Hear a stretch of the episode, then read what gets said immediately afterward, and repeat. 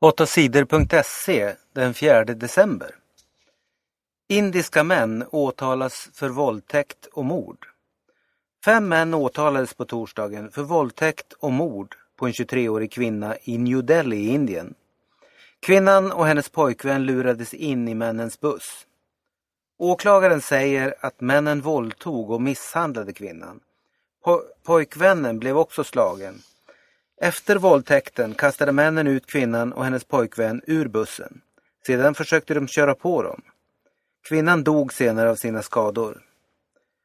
Massor av indier är ursinniga på de misstänkta männen. I flera indiska städer demonstrerar människor och kräver att männen ska dömas till döden.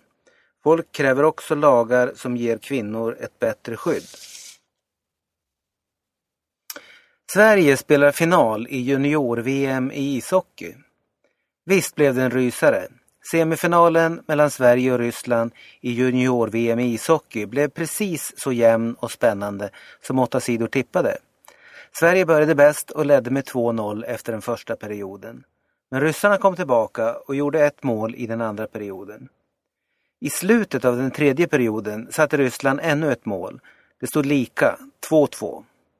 I förlängningen blev det inga mål och matchen fick avgöras med straffar. Sveriges målvakt Niklas Lundström var lysande. Ryssarna kunde inte göra något mål på sina straffar. Sebastian Kollberg satte den avgörande straffen i mål bakom Rysslands målvakt. Det kändes grymt skönt att få sätta dit den, sa han efter matchen. I finalen möter Sverige USA som överraskande slog ut Kanada. Finalen spelas på lördag klockan 14. Matchen sänds i Sveriges Television. Dålig luft i svenska städer. Flera svenska städer har för dålig luft. För två år sedan dömde EU-domstolen Sverige för brott mot EUs miljölag. Men luften i städerna är fortfarande dålig. Nu säger EU-domstolen att Sverige måste betala böter om vi inte ordnar bättre luft. Det kan kosta 180 miljoner kronor varje år som luften fortsätter att vara dålig. Flera tusen svenskar blir varje år sjuka för att luften är dålig. Människor får hjärtinfarkt och sjukdomar i lungorna av smutsig luft, säger professor Lars Barregård till nyhetsprogrammet Ekot. En sak som gör luften smutsig är när asfalten på vägarna slits bort när bilar kör med dubbdäck. Göteborg har för mycket avgaser i luften, säger EU.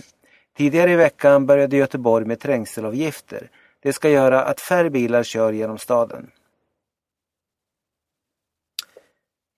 Kalla åkte fort i Tour de Ski. Charlotte Kalla gjorde ett fantastiskt lopp i tävlingen Tour de Ski på torsdagen. Kalla startade loppet i rasande fart. Efter bara 6 kilometers åkning hade hon tagit in 30 sekunder på Justyna Kowalczyk från Polen. Kalla var bara 15 sekunder efter Kowalczyk i mål. Kalla hämtade in 42 sekunder på norskan Therese Johaug och lyckades spurta ifrån henne in mot mål. Charlotte Kalla ligger nu tvåa sammanlagt i Tour de Ski. Hon har skaffat sig en jättechans att bli bland de tre första i tävlingen. Friidrottare blir bobåkare. De två förra friidrottarna, Linus Törnblad och Robert Kronberg, satsar på en ny sport.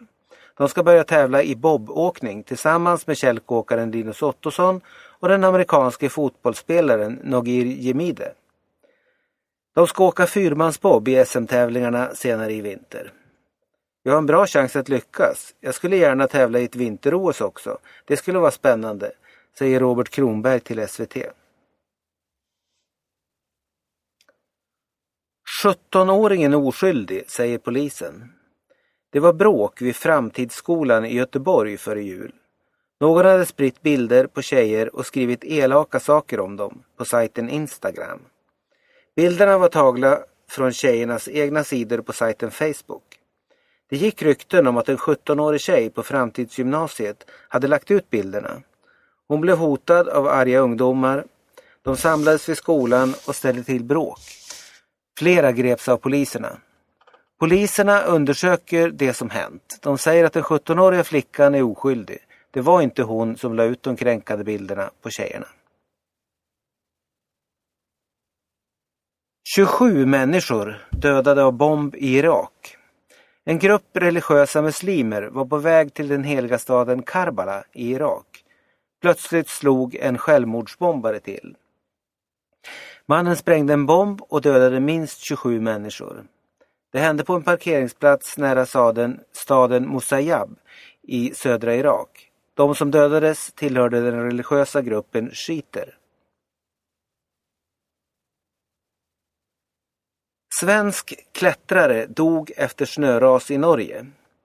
Igår torsdag rasade massor med snö ner från Skogshornsfjället i Hemsedal i Norge.